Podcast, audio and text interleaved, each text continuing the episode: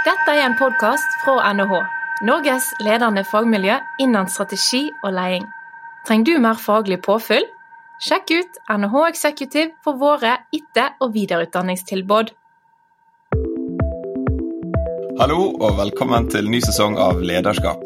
Vi har mye spennende planlagt i høst, men i dag skal vi snakke om prososial motivasjon. Hva er det, og hva fordeler og ulemper kan det ha å fremme prososial motivasjon i bedrifter?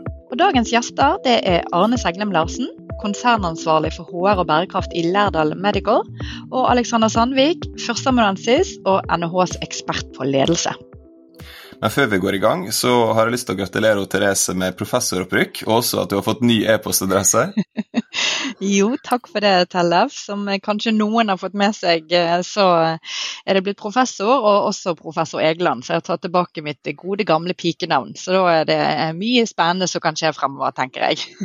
Kjempebra. Da har vi med oss professor Egeland eh, gjennom hele sesongen, og ønsker hjertelig velkommen til Lederskap. Og selvfølgelig velkommen mest til dere, Arne og Aleksander. Kan ikke dere litt kort starte med å fortelle om deres bakgrunn, og hvordan dere har samarbeidet de siste årene? Aleksander, vil du? Ja, tusen takk eh, for å få lov å være med her. Og eh, vi har samarbeidet da i ulike forskningsprosjekter nå, og eh, over et godt tidsrom. tror jeg nesten, jeg tror det nesten er blitt sånn her, det er ikke fullt ti år, men det er faktisk blitt flere perioder. Og, og, Det har vært en veldig interessant og spennende reise, fordi man kommer veldig tett på disse selskapene. og sånn, Det er ikke bare sånn at det har vært forskning, på en måte, men det har vært forskning, det har vært interessante samtaler, refleksjoner, undervisning, case. Og lært utrolig mye av å, å få ha kontakt med Arne og Lærdal Medical. Takk for den, Aleksander, og gratulerer, Therese. Og takk eh, Therese og Tellef for invitasjonen til å være med på denne podkasten. Ja, jeg jobber i Lærdal Medical og har vært der noen år. Eh, og kom inn i samarbeid med Alexander og NHH via Ingrid Stensager, som spurte om jeg ville være med på noen uh, ulike forskningsprogrammer mellom næringsliv og akademia. Så det har vært en spennende reise, og på mange måter et veldig godt bekjentskap med Alexander. Mm. Ja, og grunnen til at vi ville da eh, invitere dere på podkasten vår, er jo nettopp dette med at eh, vi opplever jo Lærdal Medical til å jobbe veldig sterkt opp mot eh, det prososiale. Altså det å hjelpe noen utover seg sjøl. Og da har vi altså lyst til å grave litt i dette. Men da må vi starte med å definere dette begrepet, og da trenger vi forskeren Alexander. Hva sier forskningslitteraturen om hva prososial motivasjon er, og hvordan skiller det seg fra andre typer motivasjon i en arbeidskontekst? prososial motivasjon, det er jo dette her med ønsket om å hjelpe andre. Det er rett og slett at du som mennesket motiveres av å gjøre noe godt for andre. Eh, eksempelet her kan jo være en, en lærer som ønsker å lage, gjøre, altså ha en ny hverdag for en elev. Det kan f.eks. være en lege som ønsker å gjøre noe for en pasient. Eller en advokat som ønsker å hjelpe en klient med en sak eller en, en tvist eller et problem. Um, og det, det, som ofte beskriver de som er prososialt motivert, er jo det at de, de er veldig opptatt av at de er til nytte for andre, og de er opptatt gjerne av at denne gjerningen, eller det å hjelpe, da, er en motivasjonsfaktor i seg selv. Og Dette skiller seg f.eks. fra ytre, som er mye mer instrumentelt, med at man da gjerne oppnår en belønning eller en penger eller et eller annet eh, gode som man da eh, får for å yte noe. Eh, og Det skiller seg også for fra mer indre type motivasjon, hvor man fokuserer mer på gjerne gleden ved arbeidet eller aktiviteten man gjør. Mm.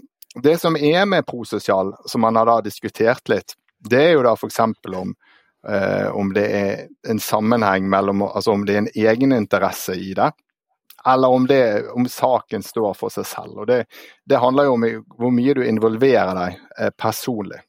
Du kan si er dette en gjerning du gjør én gang, eller er noe dette som preger deg som person? Sånn at du f.eks. dette med å hjelpe er noe som nesten definerer deg som menneske, og som du gjør ganske da dypt og inngripende og varig eh, over tid. Eh, og, og, da har man diskutert liksom da om eh, om det er forskjeller på egen interesse eller kollektive måler, eh, og i hvilken grad dette med hjelpe spiller en rolle for det. Men vi har ikke funnet der at det er noe motstridende, og man ser på dette som to eh, uavhengige eh, dimensjoner. Det mm. man da finner, er at de som er prososialt motivert, de, de ofte da villige til å ligge ned en ganske stor innsats. og at dette er da, og når dette er viktig for deg, så presterer de da veldig bra og er villige til å yte mye. Spesielt da når målet samstemmer med egeninteressen. Eh, og Det kan også motvirke stress og, man, og, utbrenthet med at man da faktisk er villig og at det gir mening. Så man snakker om en meningsdannelse. Da. Eh, men faren her er jo at hvis det tar helt overhånd, så kanskje man gir for mye og, og at man da må, må, bli passet litt på. da. Eh, ja. hmm. Ok, så Hvis jeg forstår dette riktig, Alexander, så, så, gjelder det å ha indre motivasjon for å yte godt. Men eh, hva, hva, kan dette si oss i næringslivet, mer i, i stort? Det betyr at eh, nærings, i næringslivet så kan de signalisere eh, gjennom f.eks. å ha et mission eh, eller en visjon, så kan de signalisere da i hvilken grad de er ute eh, etter både å lage belønningssystemer og motivere, eh, eller hvordan de, de, henvender seg i forhold til motivasjonskilder. Da. Eh, og dette har med selektering og rekruttering.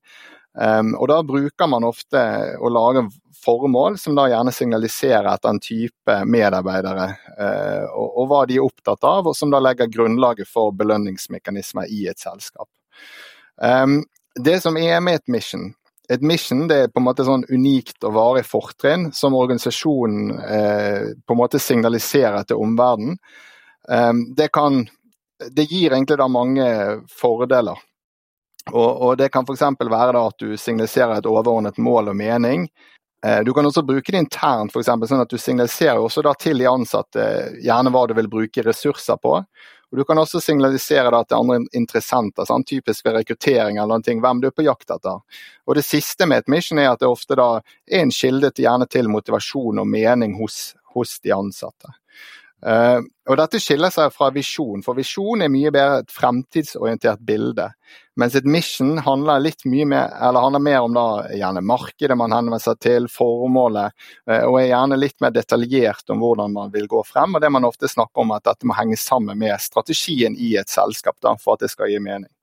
Uh, og Der finner vi faktisk på forskning over tid da, at, at de som klarer å ha et tydelig mission, etterleve det, rekruttere i forhold til det, gi ressurser og bruke det strategisk, de gjør det litt bedre eh, prestasjonsmessig enn andre selskaper. Og Da er det jo spesielt interessant å snakke med dere, Arne, som har satt dere som et ambisiøst mål å bidra til å redde én million liv hvert år. Eh, så Hva er inspirasjonen bak dette formålet, og hvordan påvirker det beslutningene og retningene til en bedrift som gjør det? Takk, Therese, og takk for at du vektlegger ordet bidra til. Vi er en eh, bedrift som eh, prøver så godt vi kan å hjelpe organisasjoner vi jobber mot, institusjoner vi jobber mot, til å få bedre og bedre løsninger, sånn at færre og færre dør unødvendig.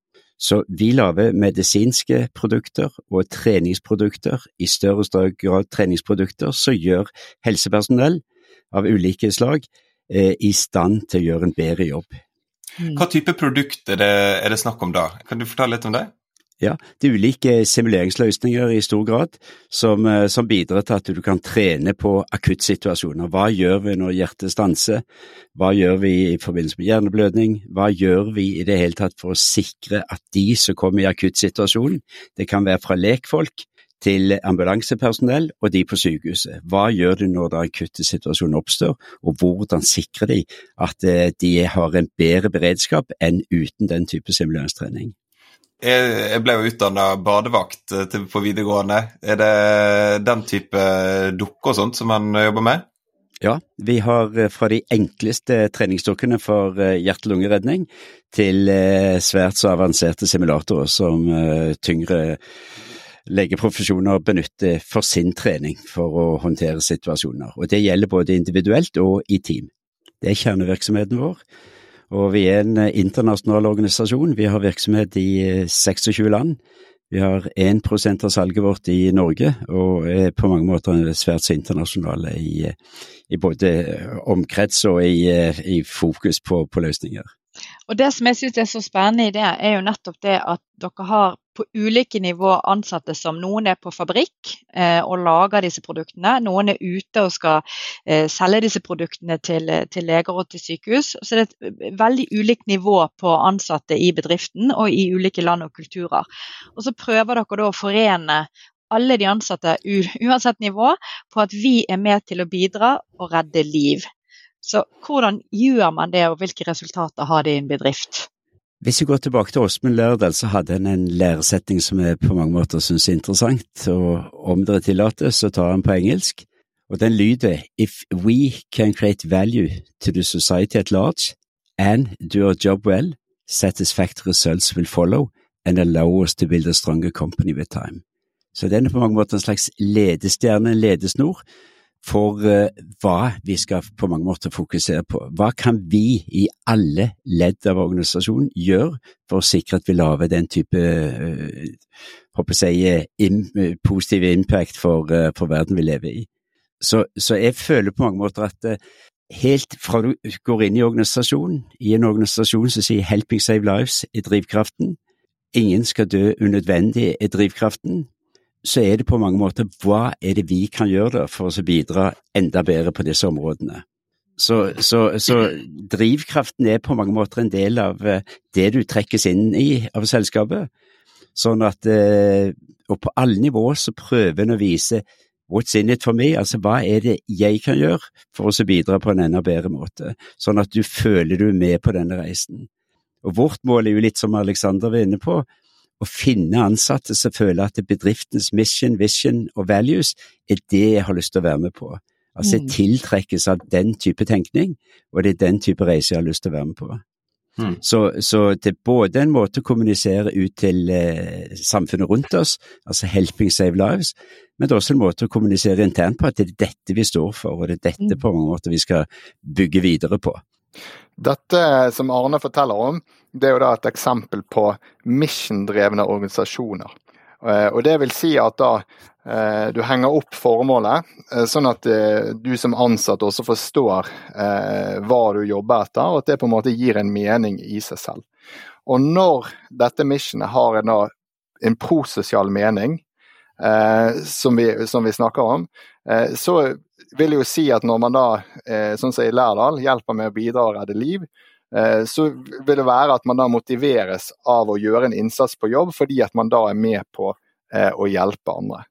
Og Det man, vi finner da i, generelt i forskning, er jo det at når, når dette står overens, og at du skjønner at de arbeidsoppgavene du gjør, passer til det formålet, så gir dette veldig mening, og du blir ekstra motivert og er da villig til å legge ned Eh, en ekstra innsats. Eh, og det, det, som typisk kan være en utfordring eh, for prosessuelle organisasjoner, er jo at dette føles ekte. og at både arbeidsoppgavene passer, og at det passer gjerne med strategien og helheten og den helhetlige tenkningen i et selskap. og det kan da være krevende å få til. Sånn at her er det gjerne da utfordringer for å skape denne følelsen. Og sånn som Arne sier her, så, så kan man se at dette stemmer overens veldig bra. da. Eh, og at man skjønner på en måte når man kommer inn i lærer som vil redde liv, eh, hvordan man gjør det, og at dette gir veldig mening gjennom disse dukkene eh, i hverdagen. Mm. Så eh, Dere har jo gjennomført noen undersøkelser eh, i Lærdal. Alexander. Handlet det da om å snakke med medarbeidere, ha spørreundersøkelser. Altså, hva rapporterer dere tilbake? For jeg har jo sånn, Den personen som sto på en fabrikk i Kina og skrudde en skrue, kjente selv på at det var med til å bidra og redde liv. Altså, det er jo et så nydelig eksempel hvordan dette da drisler ned i organisasjonen. Kan ikke du fortelle litt om de, den studien dere gjorde? Jo, vi har gjort eh, eh på en måte to deler av et studie. Vi, vi, har, gjort, vi har, intervjuet eh, både en haug med da, eh, ledere og medarbeidere og selgere og de som også jobber på på fabrikken, altså utad i, i, organisasjonen. Eh, og Det vi fant veldig gjennom intervjuene, var jo disse levende eksempler på at liksom alle kjenner jo til eh, mission. Alle kjenner til formålet. Alle eh, på en måte trigges og, og, og, og drives av det. Eh, og så ser vi gjerne da eh, kanskje noen utfordringer for den kvalitative delen. og Det handler jo egentlig om å faktisk at du klarer å skape nok meningsdannelse, og ofte nok. Mm. og at ledelsen tar dette inn i hverdagen. Eh, og at man har på en måte eh, både gode eksempler, og at det blir en del av, eh, av alt du, du holder på med. Og her ser vi at Lærdal har gjort en, en, veldig god jobb. Tore Lærdal han reiser rundt og mye på besøk. Og mange forteller om disse besøkene og, og også om disse opplevelsene. Men så er det det du er inne på, at du må faktisk da gjøre denne oversettelsen selv. da. Og Vi finner jo også eksempler på at sånn, cellene som er veldig tett på ute, de får daglige eksempler på, på hendelser hvor folk har blitt reddet med hjelp av trening med dukken og andre mm. ting, eller du ser på sykehusene. Mens f.eks. hvis du jobber mer i produksjon, så har du en mye litt lengre avstand for å forstå faktisk at når du blander kjemikalier og sånn, så, så det er ikke direkte linket. Og da må ledelsen jobbe veldig aktivt eh, for å bruke levende bilder og eksempler og fortelle historier om dette. For å legge til litt, Aleksander, så, så punkt én, la oss ta det inn over oss at pandemien var vanskeligere for å komme rundt og sikre at vi eh, holdt alle à jour. Men da brukte vi jo mye videomøter så videre for å sikre at folk fikk reelle eksempler på hva har skjedd nå, hvordan bidrar vi, og hvordan jobber vi. Men vi har mm. altså lagd en sånn One Million Lives-bok, som vi lagde her eh, i 2019, eh, som på mange måter sier noe om hva er det vi står for som organisasjon. Og Den sier noe at opp mot 2030 eh, så skal vi bidra til å redde én million liv ekstra. Og Den går veldig i detalj på ulike områder. Han går også i detalj på, på, sustainability, eller på bærekraft, hva vi skal gjøre der, for å sikre at det ikke bare er hva vi gjør, men også hvordan vi gjør det som skal, skal, skal gjøre i et positivt samfunnsbidrag.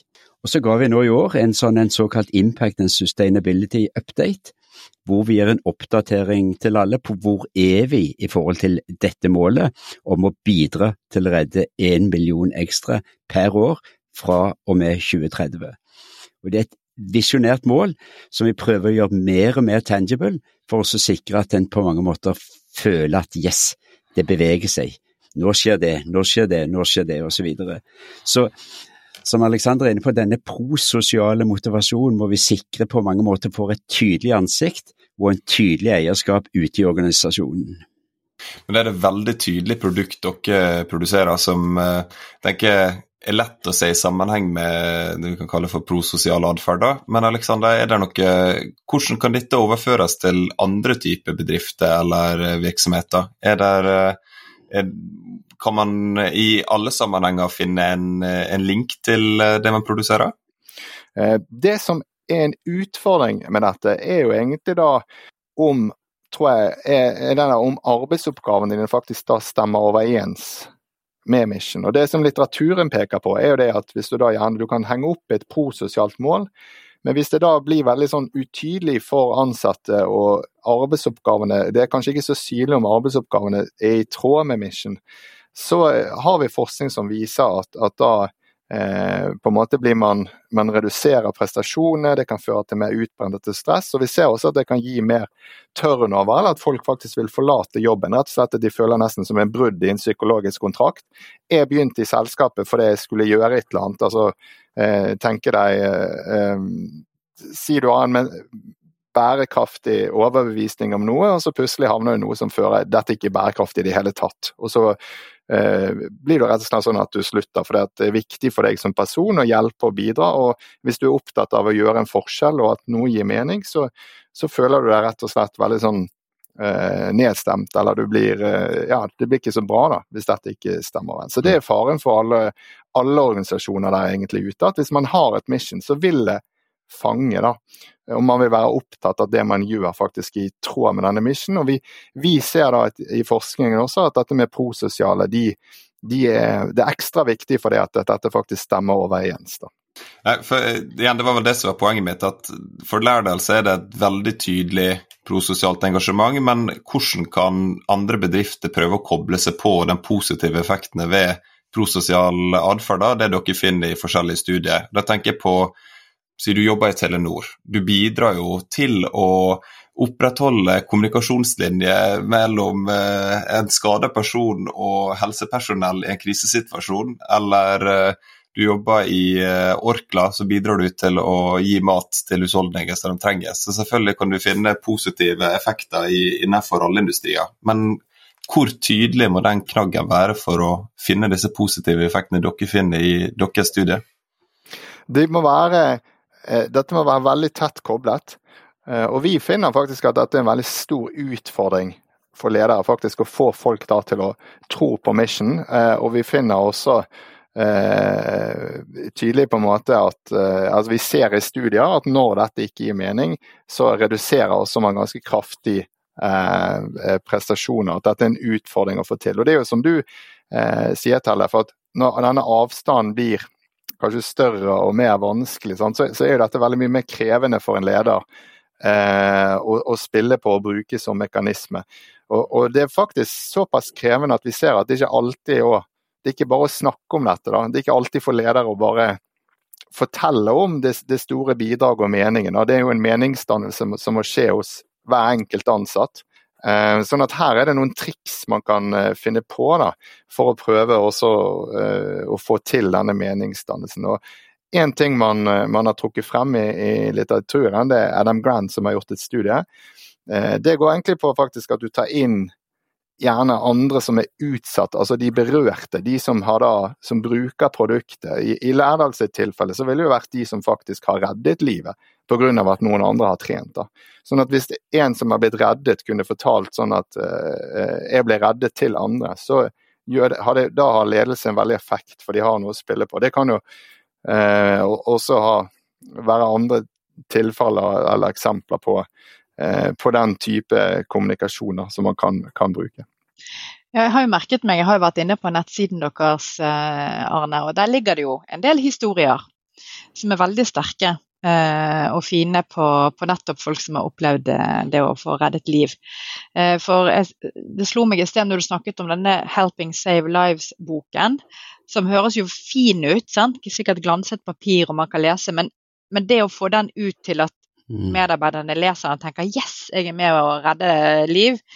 Eh, det er jo litt lengre eh, å gå fra en bok til disse sterke historiene. Så, så, den ligger vel som et grunnlag, men hvordan får man det faktisk ut, disse historiene? Der jobber dere sikkert eh, systematisk, vil jeg tro. Ja, Først og fremst så har vi, som jeg nevnte tidligere, Tor Lærdal som eier, og familien som dette er det de brenner for at vi skal ha en betydning for, eh, for, våre kunder, og skal gjøre et bidrag innenfor det området som vi jobber i. Og som Alexander er inne på, at eh, en må punkt én ha en genuin tro på det en holder på med, og tro at dette er det rette å bruke tid og krefter på. Og så må du kommunisere dette regelmessig det begynner i onboarding-trening. Jeg bruker fri, eh, mye tid på å få fram It's all connected, altså hvordan ting henger i hop fra visjon, misjon og, og, partnerskap vi har, områder vi går inn på, hvilke produkter vi da vil starte på, osv., hvor du ender opp med en pibel. What's in it for me? Altså, hva er det, hvordan skal du hele veien jobbe med dette? Trekk det inn i bøker, trekk det inn i historier, og prøv å gjøre valg i det daglige liv så langt det er mulig, som gjør at du føler at den kvaliteten er lave gjennom det produktet her, gjør at de som kan trene, trene med kan trene eh, oftere og lengre, fordi at det er kvalitet i det produktet som kommer ut fra fabrikken. Så det blir på mange måter Jeg opplever at eh, per nå så, så fungerer dette, men det er ferskvare. En av læringene fra forskningsprosjektet med Alexander, you need to fill up the bucket. Mm. Altså du må fylle på hele veien med ekte gode eksempler. Ikke med konstruerte historier eller ting du liker å se, men med ekte gode eksempler på hva vi har oppnådd. Så har vi også noe som vi kaller Impact Awards, både på bærekraft og på Helping Save Lives, hvor historier og innsats fra ansatte deles. Uh, nesten i sånn Oscar-lignende type sanser, hvor en presenterer ved film eksempler at dette, dette er vår ansatte jobber med, for å ta oss enda et skritt videre. Så, så, det må være genuint, og det, og det, må på mange måter være sånn at historien i seg selv har en viss tyngde, sånn at det ikke blir fluffy, altså. At det blir eh, fine ord og, og, og, litt sånn ja, halvveis handlinger. Nettopp. Men da er jo spørsmålet hva, hva andre type industri eller bedrifter vil, vil, disse effektene være mest aktuelle for, Aleksander? Altså hvis, hvis, man skal være veldig påpasselig med å, at det blir for fluffy eller for stor avstand mellom si, produkt eller tjeneste man leverer og, og ansattes daglige arbeid, hva, hva, kan næringslivet lære av disse historiene her i Lærdal? Min opplevelse er jo egentlig litt at det er blitt veldig sånn populært med å ha å være en sånn mission-dreven organisasjon, og at mange har lagd og bruker nå mission i mye større grad enn tidligere, som gjerne også er, er prososialt ladet. Eh, og jeg tror det passer i en rekke sammenhenger, altså både i offentlig og privat sektor. Det kan være alt fra sykehus til alt fra barnehager, skole, eh, det militære, eh, industribedrifter, tjenesteytende sektor. Sånn at veldig mange altså Dette er en mekanisme veldig mange kan spille på, som har veldig positive effekter. De, de, ansatte er villige til å, til å yte mer, og det gir veldig mening. Det er meningsdannelse, og, og folk er da villige til å ligge ned en hard eh, innsats for å nå mål. Samtidig så tror jeg det du er inne på, det er jo liksom det at en bakside med, med dette her. Og, og, utfordringen er rett og slett det der hvis denne avstanden til selve meningsdannelsen blir veldig stor, og du ikke får helt til, og du tror på det, Uh, og, det, og det, Sånn vil jo nesten være i Lærdal òg. Du kan tenke deg at, uh, at, at, det vil også være variasjon der på hvor, hvor ofte man f.eks. er borti dette uh, med meningsdannelsen, selv om det er veldig veldig tydelig og klart. Altså, du vil si at De har veldig mye kortere vei til målet enn mange andre som kanskje det er mer avstand. Så, så, var inne på eh, f.eks. at hvis du driver bank i DNB og du skal hjelpe kunden gjennom kundereisen, så, og og du sitter bare mye med regnskap eller tall eller transaksjoner, du er veldig langt fra kunden, så trenger du å få det forklart. da. Så selv om Lærdal er veldig tett på, så vil de også ha medarbeidere som på en måte er en del et stykke unna denne mm. meningsdansen. Og det vi ser er at det, er viktig å fange alle disse og ha denne kommunikasjonen, eh, sånn at den, den trigger eh, og, at, eh, at, det bidrar rett og slett til mening. Og Når man ikke har denne meningen, og man er veldig opptatt av å hjelpe, så ser vi at det skader prestasjonene. Så Det er mm. utfordringen ved dette. Mm. Så her handler det egentlig om at eh, tar man risken med å sette et høyt, kall det mission-drevet mål, så krever det ekstra mye arbeid eh, for å fylle opp og at ansatte ser at de er med og rekker dette målet. Så vil det, Arne, denne reisen kunne gå på bekostning av kall det det vanlige arbeidet? Altså, hvor ligger, hvis det er noen utfordringer, hvor ligger utfordringene i så fall? Jeg, vil først og fremst si at jo mer du tenker på effekten for de du skal lage løsninger for, mm. bidrar dette virkelig til at de kan gjøre en bedre jobb, jo, jo, bedre vil løsningen bli. Sånn at du hele veien tenker det inn i kundens behov, eller i brukerens behov, og finner løsninger. Så jeg tror eh, i forhold til det generelle hos oss, så tror jeg dette er positivt. Men det blir litt som Alexander sier, det, eller sagt Berling Braut Haaland, det er snakk med føttene. Altså det, det er handlingene som må på mange måter vise hva vi står for. Og vi må dokumentere det både til det eksterne miljøet og partnere, at dette står vi for. Og det måles det på hver eneste dag og hvert eneste år. Og Det er derfor jeg er litt opptatt av at vi kanskje ikke definerer oss som en prososial organisasjon. Det er mer et output eller en effekt av det arbeidet vi gjør men at vi er mm. veldig veldig tydelige på mission vi jobber for, visjon vi har, og hva mål vi setter oss. Sånn at når vi jobber med det, så fortjener vi kanskje at vi kan defineres som en prososial organisasjon. Men, men, det, men, det, er liksom ikke en effekt som varer evig. Folk i organisasjonen må se at de er med på den reisen, og de må føle på mange måter det, det eierskapet. Og så følger jeg Alexander veldig langt at det, eh, det er alltid fare i det. Men det er klart at derfor må det være genuint. altså. Folk må føle at det, det fødende som taler. Mm. Ja, for det er, kan jo fort bli en sånn trend. Vi, vi, eh, hører om disse trendene. Å, nå er det eh, et eller annet som skal innføres sant? som en organisasjonsoppskrift, og så hiver folk seg på. Og så eh, er det kjekt i begynnelsen når folk er motivert, og så dabber det av. Eh, så dette er jo såpass genuint, eh, opplever jeg, når du skal bidra til å hjelpe og redde én million liv i året frem til 2030, men kan det likevel bli en opplevelse av en trend som mister sin effekt? Ja, Vi føler i hvert fall at dette er et, dette er et visjonært mål som krever at vi hele veien blir bedre på måling og ser effekter av de tiltak vi gjør, og som lager et trykk på er det virkelig noe som bidrar i den retningen. Eh, treffer, har vi virkelig fått utvidet enda flere partnerskap som, som, hjelper oss i rett retning, og vi er veldig heldige og har masse store, viktige partnerskap. Så, så Nei, jeg er, ikke, jeg er ikke redd for det, men jeg er redd hvis det blir en disconnect, altså ingen kobling mellom det vi står for og det vi jobber med, Og, og det på mange måter den enkelte ansatte føler at det er viktig i organisasjonen. Der, der, det, det må være genuint. Altså, eh, Her må du følge inn etterpå, Arne, men, men jeg føler jo på en måte Lærdal har gjort noe veldig riktig. For de har mission, og så gjennomsyrer det hele organisasjonen. Så det henger sammen både med strategien, hvordan de gir ressurser, belønningssystemene, hvordan de tenker utvikling og rekruttering. Og Det er jo kanskje her noen av utfordringene til det selskaper kan ligge, med at man da gjerne har et mission, men at ikke det henger sammen med alle deler av virksomheten. Sånn at hvis du eh, kanskje har en annen type belønningssystemer, hvis du har andre typer KPI-er som gjør at du blir drevet i en annen retning da, enn det egentlig mission er. Sånn at du føler på en måte at, det ikke er helt Vi bruker sånn nå samstemmighet eller kongruens. da, At det ikke henger helt sammen. Eh, da tror du du kan egentlig oppleve det at, at den prososiale kan slå tilbake enda sterkere enn en del av disse andre typer motivasjonskildene, sånn som indre og ytre. Fordi at eh, det er så viktig for deg å hjelpe. Det er en del av personligheten din. Og når du ikke får til å hjelpe, så, så, så blir du rett og slett eh, Altså, du, du, vil endre det. Og det er også viktig for mange, tror jeg, at, at arbeidet gir mening, og at du føler det er, en, det er, en, del av det selv. Vi har nesten egen litteratur på det vi kaller for calling. Det handler liksom om å finne sin jobb, sin plass, og at den er meningsfull. da. Eh, og skaper verdi, da, også for deg selv som person.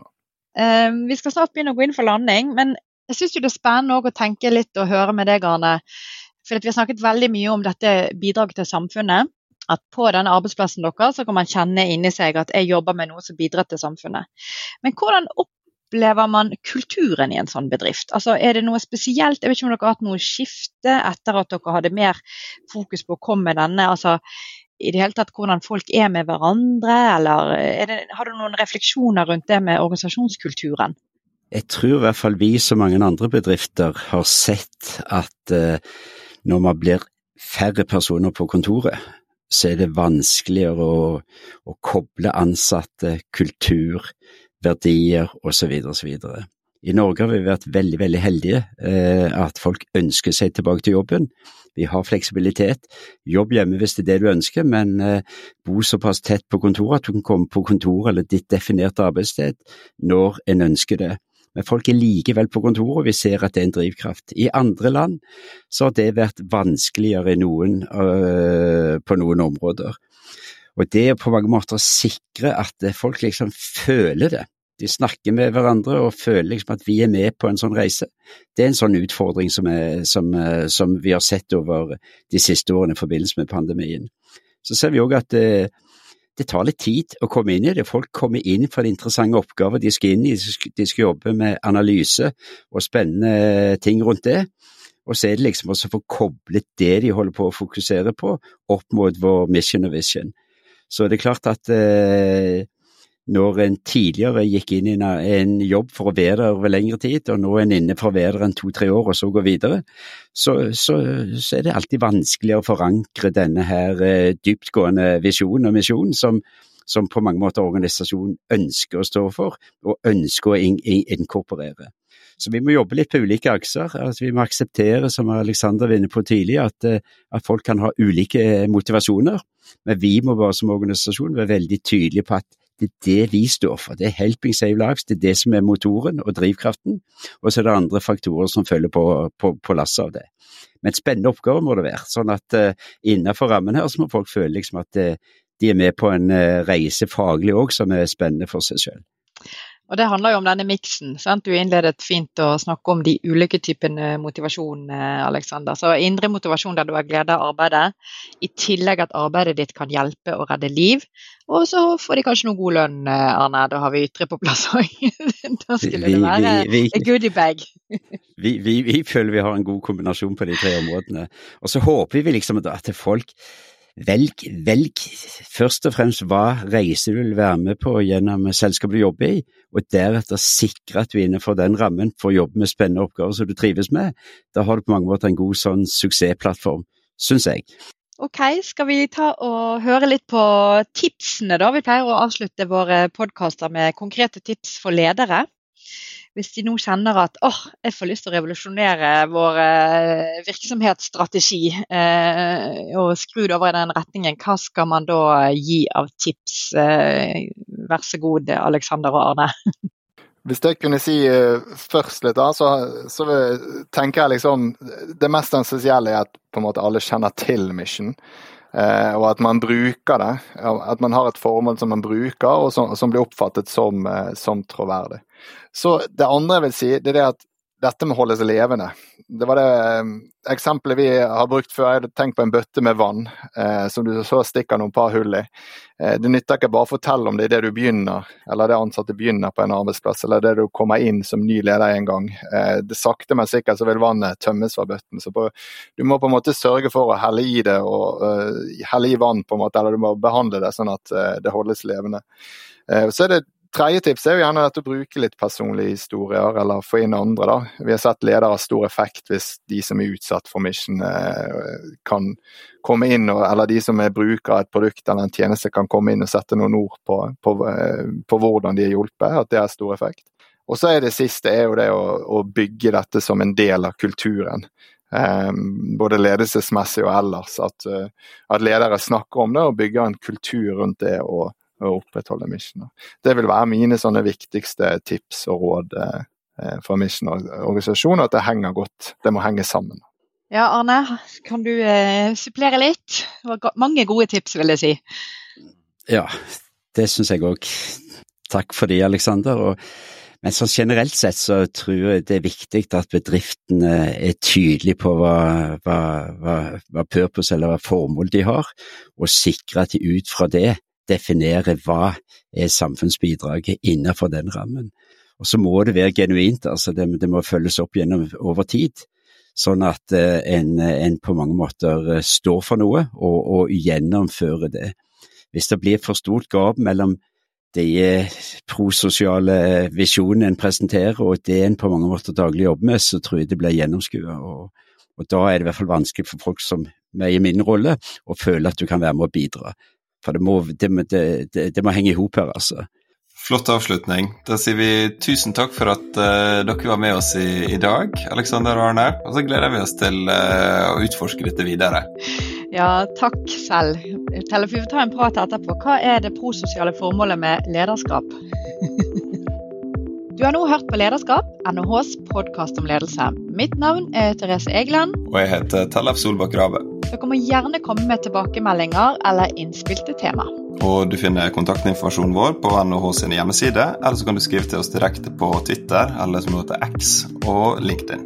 Og Om du likte det du hørte, så blir vi selvfølgelig veldig glad om du vil abonnere eller dele episoden med kolleger eller venner. Og så høres vi senere i sesongen. Takk for nå.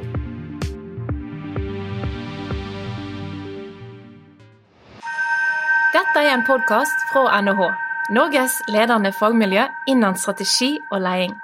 Trenger du mer faglig påfyll? Sjekk ut NHH Executive for våre etter- og videreutdanningstilbud.